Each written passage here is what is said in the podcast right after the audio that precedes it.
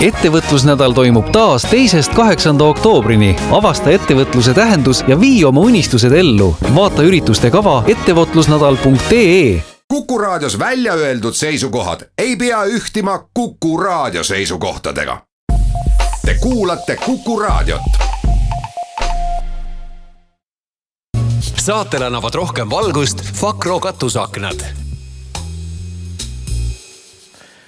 seitseteist minutit on kell üle kahe ja läbi juba kergelt tekkivate ummikute on stuudiosse murdnud ennast Euroopa Parlamendi saadik Indrek Tarand, tervist. tere räägime kohe tippkohtumisest, mis on neil tundidel kestmas Kultuurikatlas. president Kersti Kaljulaid ütles avakõnes, et mõnes mõttes sarnaneb paberil asjaajamine fossiilkütusega. Need on välja kujunenud inimeste ja seadusandjate paljude põlvkondade vältel, muutunud aja jooksul keerukamaks, sest bürokraatiate kasvades põimub nendesse aina rohkem poliitilisi kompromisse millele on raske vastu vaielda. Indrek, rääkides nüüd äh, digitaalsest arengust ja seda nüüd ette heidetud Euroopale küll, et me oleme väga palju maha jäänud ja me oleme saurused selle seos ja sauruste muuseum kipub olema ka Euroopa Parlamendis, mulle meenub.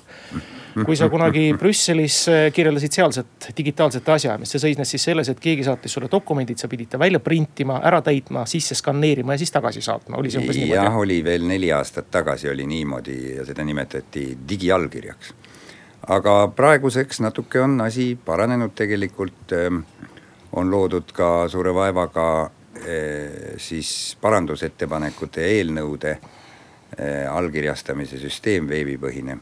tõsi, kuna see on äh, niimoodi leiutatud, et aeg-ajalt ei tööta, siis tuleb ikkagi ette ka paberile käsitsi allkirja tegemist, et kui tähtajad suruvad peale, siis ja parasjagu arvuti restardib ennast või see süsteem lihtsalt ei tööta aga mis puutub nüüd natuke teist taset, et me oleme maha jäänud, täna hommikul oli eh, mul ka kohtumine Euroopa Parlamendi presidendi Antonio Tajaniga, kes eh, ju samuti viisaka inimesena alustab kõiki oma pöördumisi, et teie riik on nii tubli digitaalselt.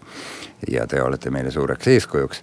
et me oleme seda oma müügitööd väga hästi teinud ja, ja see kõigile on nagu silma ja kõrva taha pandud ja kõik vaatavad nagu, et a teeme siis midagi, aga nüüd. Äh, kui me mõtleme nendele suurtele Ameerika firmadele, äh, kes oma Euroopa peakorterid enamasti küll Iiri Vabariigis hoiavad ja seda mitte mingil muul põhjusel, kuivõrd maksude optimeerimise seisukohast lähtudes et ähm, neil on juba see noh, ole Ameerika või ole Hiina, mastaap on suur, Ameerika lisaks sellele on ka vaba selles mõttes, et Hiina ju teatavasti oma võrgupõhiseid lahendusi kodanikele kõiki eh, tehnoloogilisi võimalusi ei võimalda. ikkagi tegemist on kommunistliku diktatuuririigiga, mitte demokraatiaga. ja nüüd kakskümmend seitse pluss üks Euroopa Liidu riiki, kes kõik kümne küünega eh, hoiavad kinni teatud määral eh, siis ikkagi oma traditsioonilistest eh, turukaitsemehhanismidest, kuigi jutt käib eh, ühisturust, eks ole. ja just seal digitaalsfääris on see, on see kõige konti murdvam, ühest küljest on see sellepärast nii, et eh, filosoofiliselt on praegu vähe olnud aega parimatel inimkonna mõtlejatel mõtestada kõiki neid probleeme, mida tehnoloogia areng ja tööturu muutumine meile kaasa toovad. ja kerge on ütelda, et vot, kui me niimoodi teeks, siis me saaksime nii palju säästu, nii palju kasumit, nii palju uusi töökohti ja nii edasi. aga kui me mõtleme kasvõi iseendale taaskord, siis ei olnud väga kaua aega tagasi, kui Kalle Palling, riigikogu liikmena ütles, et käkitegu, ma kirjutan kohe ühe seaduse, kuidas Uberi ja ja Airbnb-ga on, aga osutus olema, et ei ole päris käkitegu, et tuleb nüansse, tuleb erinevaid jõude, konservatiivsemaid ja revolutsioonilisemaid ja seda valdkonda ei ole nii lihtne seadusandlikult reguleerida. ja Dajani möönis ka täna, et äh, tõepoolest me võiksime saavutada kokkulepet, et ähm, mismoodi näiteks sealsamas sotsiaalmeedias äh, reeglid on ja, ja nii lihtne asi nagu, et kust algab siis ikkagi vihakõne. Ja kas me ei peaks seda keelustama sest ei ole ju mõtet eh, vabatahtlikult, komisjon pakub vabatahtlikku kohustust. et igaüks ise hoolitseb selle eest, aga inimeste mõõtupuud on erinevad, mis ühe jaoks on juba täiesti räige vihakõne, on teise jaoks nihuke hommikune torin, eks ole. ja sõnavabaduse seadusega piiramine on, on päris keeruline juhtum jälle, nii et, nii et tegelikult on huvitavad ja, ja laia mastaabiga küsimused ja Euroopa Liidu nagu üks tunnus ongi, et ta nagu roomab läbi erilistest raskustest ja mudadest, tõsi, sageli kompromissidega, mis ei rahulda nii-ütelda ideoloogilisi puritaane. hästi lihtsalt küsides, on seda tippkohtumist täna Tallinnasse vaja, selleks et neid asju arutataks selgeks ja kas sa loodad ka mingisugust tulemit, selget sõnumit? No esiteks võiks öelda nii, et kui kliimamuutus juba on meile sellise suvepäeva toonud vananaiste suvel, et siis see tippkohtumine siin kindlasti kulgeb nagu paremas meeleolus kui novembri poris. ma kardan, et nagu ma just äsja otsustasin, et kui nüüd tahetakse mingisugusesse otsuseni või kompromissini jõuda siis see ei pruugi olla see, mida näiteks tehnoloogiafriigid või autorikaitsjad või kolmas või neljas huvigrupp äh, sealt pikisilmi ootab. Ja, ja pigem kõige kõvem lause on, me jätkame selle hea suunaga, mille me oleme valinud ja me kindlasti peame digitaliseerima rohkem oma äh, võimalusi ära kasutama muidugi seal tippkohtumisel on, kõik on väga orkestreeritud ja koreograafiliselt paika pandud, nagu sellistel puhkudel ikka. aga ma kujutan ette, et vaatamata, vaatamata Hispaania peaministri puudumisele, vähemalt mitteametlikult see eh, küsimus seal ikkagi juhtide vahel arutlusel on. et me peame, siis meie ministrid ja valitsusliikmed peavad väga no nagu kirjanduslikult öeldes munade peal käima. et äh, ei, ei äh, tekiks viga, mis võib tänu sellele tippkohtumisele siis ühel või teisel viisil võimenduda, et niisugused need eesistumise raskused teinekord ka on nii või teisiti on selle digikohtumise tahaplaanile veidi jätnud nüüd see eilne õhtusöök ja tegelikult Macroni peetud kõne ülikoolis. mis ülikool see oli? no vahet ei ole praegu. aga tema peetud kõne Euroopa tuleviku nägemusest ja nendele küsimustele on pidanud nüüd kõik vastama, kes on sinisest vaibast juhatatud sisse kultuurikatlasse. et mis te nüüd arvate sellest Macroni tehtud ettepanekut Euroopa tuleviku reformimiseks? mina olen sellest kõne ka esmatutvumisest saadik eh, arvanud, et need on ettepanekud, mida tuleb arutada.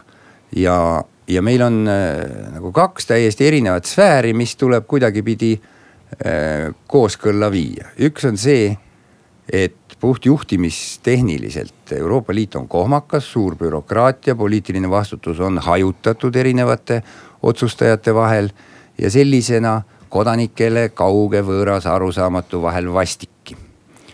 Eh, selle tõttu tuleks tema juhtimist oluliselt lihtsustada, üks viis eh, mida on siin ka varem ju tõstetud, on see, et need, kes tahavad omavahel rohkem koostööd teha, olgu kasvõi eurotsoonis neid need peavad selle võimaluse saama ja nad ei tohi muutuda ühe või teise vetostava riigi pantvangiks.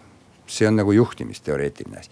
nüüd demokraatia tasand eh, paraku ei eh, ole siiani võimaldanud ja ma ei usu, et ka praegu väga lihtsalt võimaldaks selliseid samme, mis muudaks Euroopa efektiivsemaks, Euroopa Liidu kui sellise, sest kohe tekib vastujõud, et andke meile meie riik tagasi, me ei taha seda, teist ja kolmandat, me tahaksime ainult niisuguseid Euroopa ühistegevusi, mis meile kasulikud on. ja kuni neid kokku ei ole pandud, siis eh, polegi midagi tulemust olnud. nüüd, kui Macron nihukese uue eh, tegijana Euroopa tasandil, sest olgem ausad, Merkel on siiski väga vana tegija et temal algab neljas ametiaeg, aga, aga Macron on niisugune uus ja värske võib-olla, et selle puhanguga midagi eh, õnnestub ka lepitada ja, ja, ja ära teha et igatahes ma arvan, et see Macron on selline noormees, kellel tasub silma peal hoida. pool eesistumisajast saab nüüd homsega läbi. kas eh, selle kolme kuu jooksul on tunda olnud ka meil Euroopa Parlamendi saadikutel, meil oli enne eesistumist juttu sinuga Luksemburgi platsil sellest, et Euroopa Parlamendi saadikud ja inimesed on suhteliselt vähe olnud kaasatud, võiksid olla oluliselt rohkem nii-öelda nõuandva või siis isegi suisa toetavas rollis eesistumisel. kas nüüd on pilt parem? no natuke on ja võib-olla seda eelkõige siis Eestist valitud saadikute enda aktiivsuse tõttu. ja, ja muidugi üht ja teist saab, näiteks praegu on täiesti tagaplaanil selle tippkohtumise tõttu, et Tallinnas toimub eh, vägagi oluline parlamendiliikmete eh, foorum ka, kus arutatakse energiasäästlikkuse ja, ja taastuvenergia ja, ja nii-ütelda nutikate võrguteenuste küsimusi ja, ja et sellele ei jagu lihtsalt meil praegu ajakirjanduslikku tähelepanu, aga sealt võib tulla tegelikult äh, visatööga hoopis suurem võimalus edasi liikuda, kui nüüd näiteks sellesama digimajandusega. nii et ähm, mõnes mõttes jah, parlamendiliikmeid tasub alati rohkem rakendada, sest et äh, nagu ütles ka täna, mul oli hea kohtumine oli Dajaniga, sest et äh, et tundub, et kõik teised kolleegid olid jäänud munitsipaalvalimiste võrgustikku kinni, et siis mul oli selle võrra rohkem aega ja, ja tema ka ikkagi rõhutas seda, et, et parlamendi liige on siiski Euroopa Liidus süsteemis või struktuuris ainuke, kes kodanike ees ka vastust kannab. Et ühtegi volinikku, kontrollikoja liiget ei saa kodanik mitte mingi väega mõjutada, liigutada või karistada, aga parlamendiliikmeid saab ja, ja seda tüüpi vastutuse kandjaid tasub alati arvestada saatel annavad rohkem valgust Fakro katusaknad.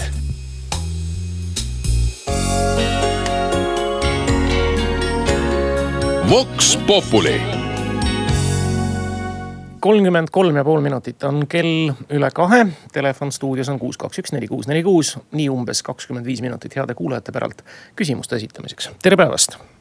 tervist minu küsimus oleks selline, et eh, ühesõnaga praegusel hetkel me näeme, et Eesti ka nägi väga palju vaeva kui oma iseseisvusega ja kõik sündis ja mis praegu Hispaanias sündib sellesama referendumiga, et kas see ei jää meil häbiplekiks, et tegelikult ikkagi pea, ei tohiks sekkuda nii palju, nagu see kohalik politsei on sekkunud ja ja me näeme, et meil tegelikult valimisi lasti teha.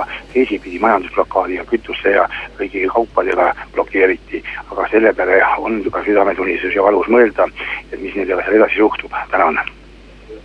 jah, ma olen siinkohal küsijaga väga nõus, et see on üks äh, südametunnistuse küsimus ja väikesele äh, rahvale, nagu ka eestlased seda on, on siiski Ameerika Ühendriikide presidendi Wilsoni poolt jõuliselt kehtestatud rahvaste enesemääramise printsiip äh, fundamentaalse tähtsusega. aga ma meenutan ka, et juba esmaspäeval peeti Iraagi Kurdistanis samateemalist hääletust ja, ja mis siis, et see rahvas on meist võib-olla kaugem ja me tunneme teda vähem kui võib-olla katalaane. aga ka nendel on, on, ka siin on meile mõtlemise koht, mis teha, aga ma pean teile tunnistama muidugi, kui minuti lubate, et, et olukord on just paras peamurdmine juristidele. poliitiliselt ma arvan ka oli viga Madridi poolt saata nüüd jõudu näitama politsei ja, ja hakata seal jõuga segama, sest rahulikult ja külma närviga mängides seda partiid oleks nad võinud mõista, et eh, Suurbritannias šotlastele ei saatnud jõudu kraesse ja vastutasuks tuli tulemus, et Šoti ei taha ära minna. ja ma arvan, et ilma jõuvõtet, et ta oleks ka esimesel oktoobril katalaanid eh, siiski sellise otsuse teinud, et nad jäävad Hispaania kuningriigi koosseisu. aga nüüd muidugi olukord on närvilisem ja, ja selle võrra eh, ettearvamatu. kuus, kaks, üks, neli, kuus, neli, kuus, järgmine küsija juba liinil, tervist.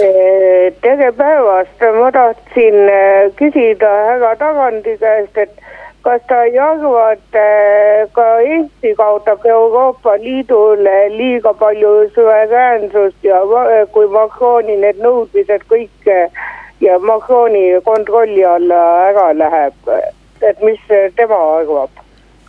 no ma arvan esiteks, et kõik ei lähe Macroni kontrolli alla, et siin praegu on juttu rohkem sellest kuulsast Saksa-Prantsuse paarisuhtest või või teljest või mootorist.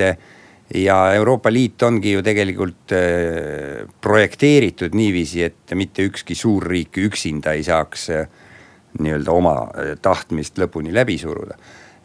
kahtlemata on, on Eesti-suguse riigi jaoks, aga ka kõigi teiste riikide jaoks väga oluline vastata niisugusele küsimusele, et äh, kas Euroopa Liitu oleks vaja reformida ühes, teises või kolmandas suunas.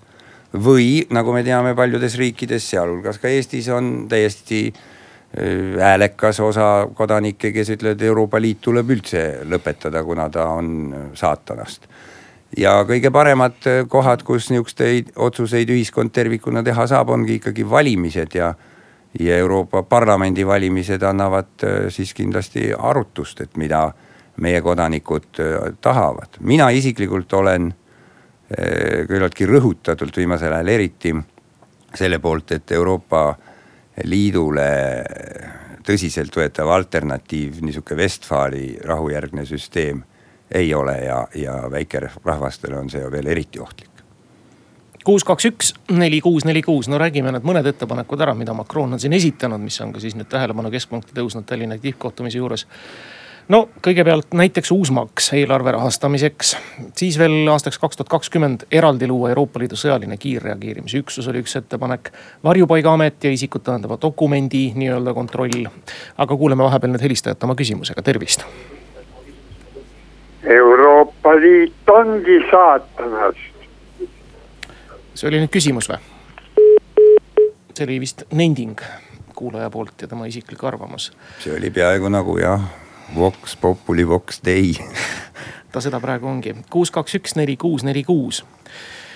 kui me räägime nendest neljast peamisest teemast, no digitaalmajandus e, e-valitsemine, küberturvalisus ja mis see neljas oluline punkt nüüd oligi. mida siis täna siin arutelu alla võetakse, kui palju need Euroopa Parlamendis niimoodi igapäevaselt äh, kõneainet pakuvad või ollakse seal ikkagi jätkuvalt seda meelt, et pappkastidega on Strasbourgi, Brüsseli vahet palju parem rongi peal sõita? muide ei olda, väga suures osas saadikud on äh, ka kimbatuses ja mõnelgi väga mõru meel, et me ei suuda seda äh, veidrust likvideerida ja lõpetada. Me ei suuda sel lihtsal põhjusel, et meie pädevuses on lepingute järgi ainult osa seadusandlust, me ei saa äh, maha hääletada ei ministreid, ei volinikke äh, ja ei saa ka jõuga ühepoolselt lepingut muuta. aga äh, ütleme nüüd äh, peab rõhutama seda, et Euroopa Parlament siiski jaguneb äh, Äh, väga äh, nagu teemade järgi, et see, kui keegi tegeleb just nimelt nende digitaalsete teemadega, siis tema ei pruugi üldse mitte midagi teada Euroopa ühise kaitseväe loomisest, mis peetakse need vaidlused teistes komisjonides või siis Euroopa eelarvest, mis ju lõppkokkuvõttes äh, ongi üks kitsaskoht, sest kõik liikmesriigid on siiamaani mõtelnud kitsalt ikkagi sellele, et me maksame sinna sisse, aga me peame nii tegema, et me saame võimalikult palju tagasi. ja, ja ütleme nagu tõsine rahaline solidaarsus äh, on ju ka murenemas mõnest kohast, sest äh, need riigid, kes on rängemini kannatanud migratsioonisurve all äh, ja kes on netomaksjad, küsivad, et aga miks me ei seosta neid struktuurifondi ja abi selle teistpidise solidaarsusega, eelkõige Ungari puhul just on see kõneks olnud. et, ähm, et jah, et äh, kes ajavad arvutiasjandust, ei pruugi ajada täie rindega autoriõiguse ja autoriõiguste kaitse või lõpetamise debatti, et äh, need on natukene, kuidagi toimub selline spetsialiseerumine. vahepeal on helistaja tekkinud liinile, tervist.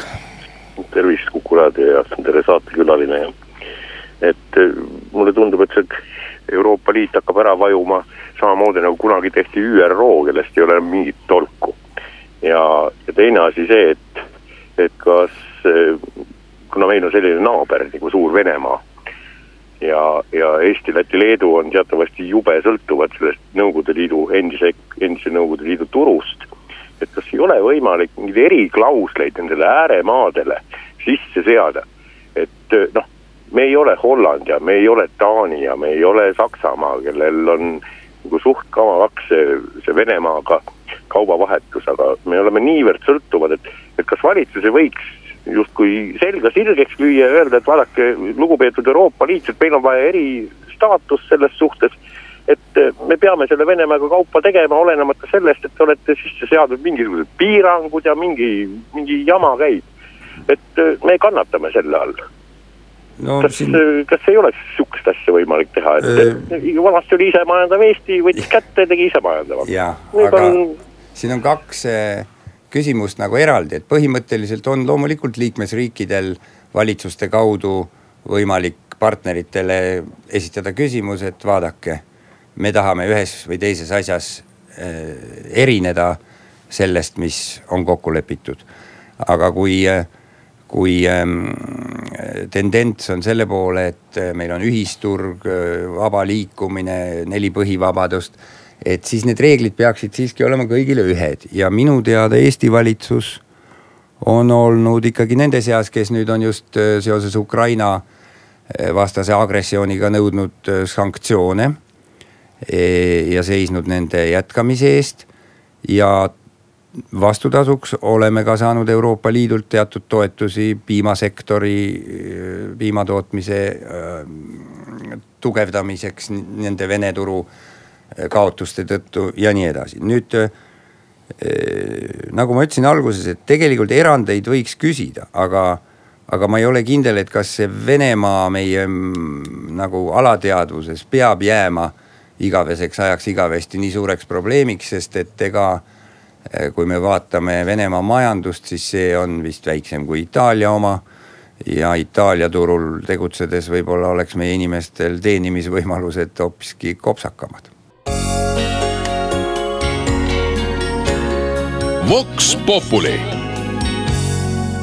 nelikümmend seitse minutit on kell üle kahe. täna räägime Euroopa Liidu tippkohtumisest, Euroopa küsimustest, kasutame juhust. stuudios on Indrek Tarand, Euroopa Parlamendi saadik. Telefonil on helistaja, tervist. tere, kas Euroopa Parlament saaks midagi ette võtta, et Euroopa Liiduga seotud kõrgepalgalised ametikohad, olla kontrollkoja liige ja nii edasi, ei, ei muutuks sellist äh, poliitiliste parasiitide nagu pelgupaigaks et noh, et, et see ei oleks enam selline lehmakauplemise objekt, need, need ametikohad, et mida, mida, on üldse midagi võimalik ette võtta selle, selle üllataval kombel küsija tabas kohe naelapead, seepärast et just üleeile ma näiteks parlamendiliikmena selle küsimusega tegelesin eelarve eh, kontrollikomisjoni istungil ja, ja tegelikult üks vastus peitub samas, et praeguse lepingu järgi parlament üksi midagi teha ei saa olemasolevad struktuurid on nii välja võeldud, võideldud, et igal riigil peab olema volinik, igal riigil peab olema audiitor ja varsti ka prokurör ja nii edasi. aga tegelikult efektiivsuse seisukohast võib-olla piisaks viieteistkümnest selle töö tegijast. ja väga loogiline oleks, kui liikmesriigid lepiksid kokku, et nad võtavad neid töid kordamööda. siis tõesti jääb ära see lehmakauplemine praegusel määral ja teiseks mis siis, et näiteks Eestil võib-olla ei ole parasjagu volinikku, aga näiteks Leedul on, siis me õpiksime jällegi ka oma kandi inimestega, teiste rahvastega võib-olla paremini plaane kooskõlastama ja koostööd tegema. Aga jah, ma ütlen seal komisjonis oli küll nii, et võeti teadmiseks minu märkused ja osutati mulle kohe, et need on huvitavad mõtted. see Euroopa slängis tähendab enam-vähem näpuviibutust, et ära sina siin aja oma jutte, sest et meil on tegelikult vaja, vaja neid kohti, kuna meil on poliitikuid, professionaalseid poliitikuid on nii palju ja kõigile muidu tööd ei jagu.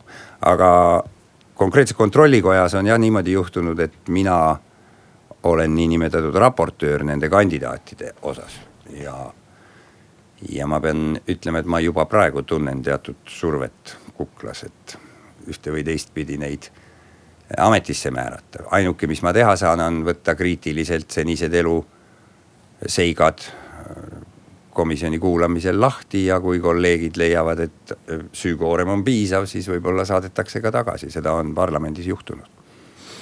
järgmine helistaja, tervist. tervist, tähendab see parlamendi välisistung toimub Sankt-Peterburis. Eesti hääletas selle vastu, kas Eesti läheb sinna või ei lähe, ei registreerinud juba ükssada viiskümmend riiki. millist istungit te peate silmas nüüd täpsemalt?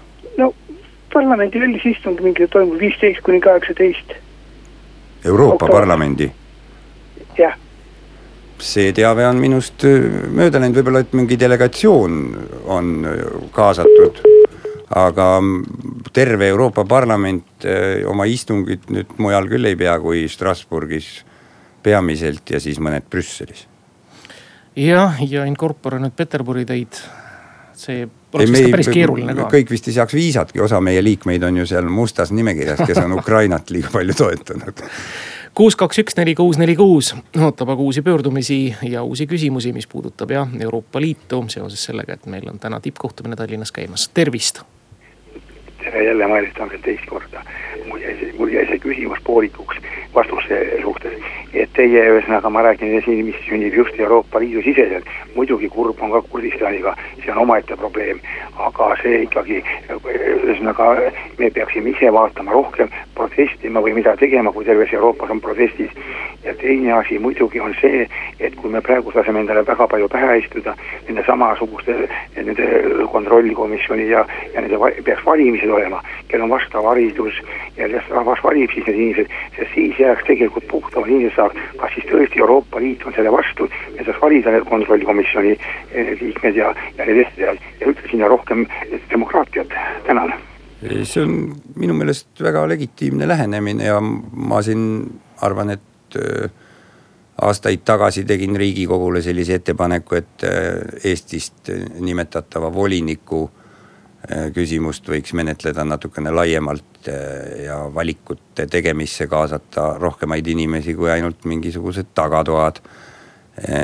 see ettepanek praegu ei ole nii-öelda reaalsuseks vormitud Riigikogu poolt aga et põhimõtteliselt äh, ma arvan, et Euroopa asutused teeksid targalt, kui nad äh, oma äh, mitte ainult bürokraatlikke koosseise ei, ei vaataks kriitilise pilguga, vaid ka, vaid ka ikka niinimetatud seda poliitilist poolt, et kuidas see tekib ja kas ta sellises mahus on mõistlik. kuue riigiga oli võib-olla väga hea, kui oli igast ühest volinik aga kahekümne seitsme või võib-olla ülehomme kahekümne üheksaga jälle riigiga. juba praegu on see probleem, et volinikel ei ole tegelikult nii-ütelda nimetamisväärseid portfelle võimalik anda, seetõttu on kõik Ida-Euroopa endised peaministrid viitsepresidentideks ülendatud.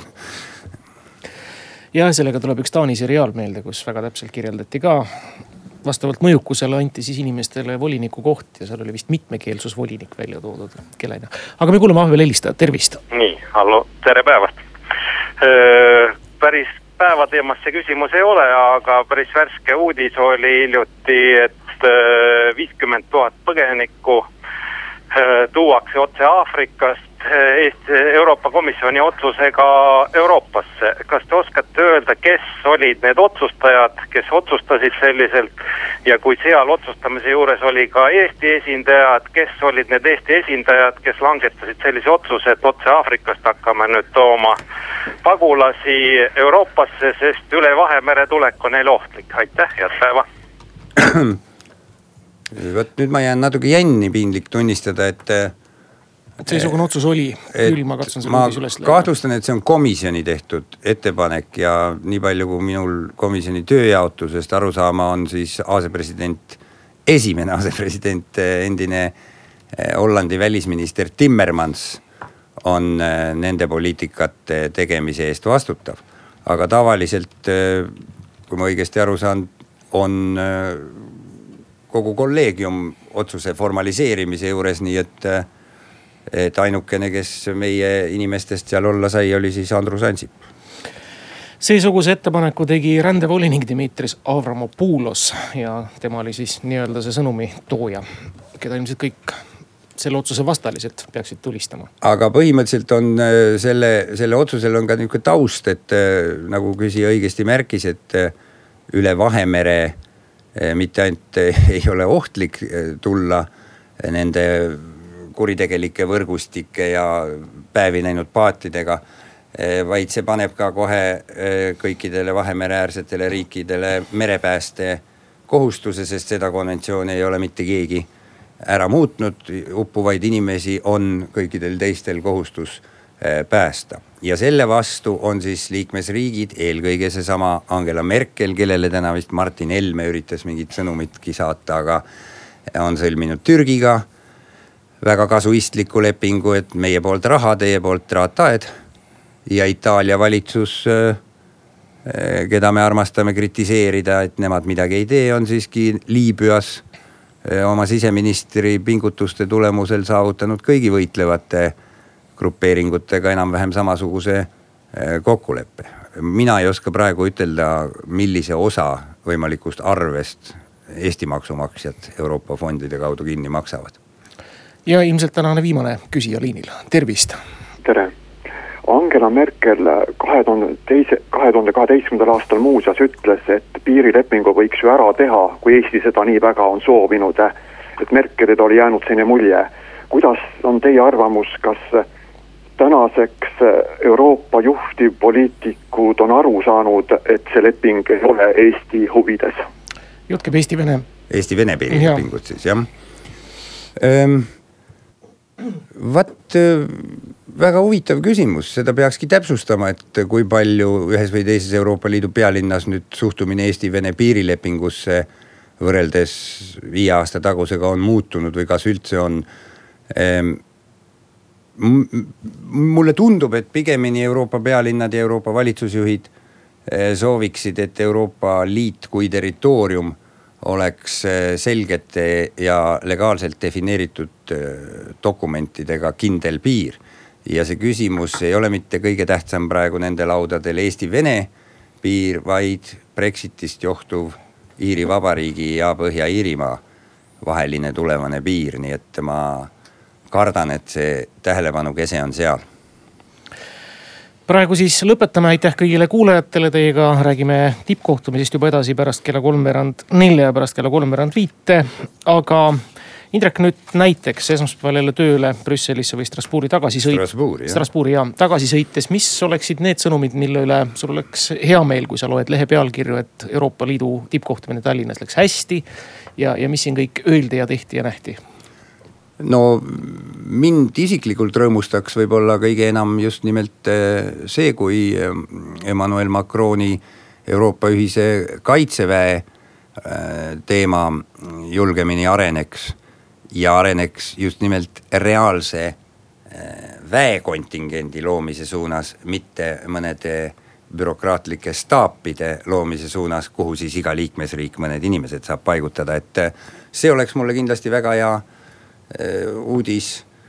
Äh, ja noh, ma möönan, et see on natuke optimistlikult loodetud ja võib-olla peab andma aega äh, Saksa-Prantsuse ideepaketile natuke veel küpseda, aga. aga muud ma eriti nagu, nagu ma alguses ütlesin, et eks kompromissid on sellised head asjad, et neid saab teha.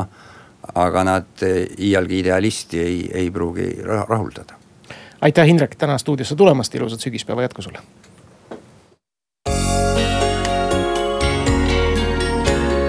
Vox Populi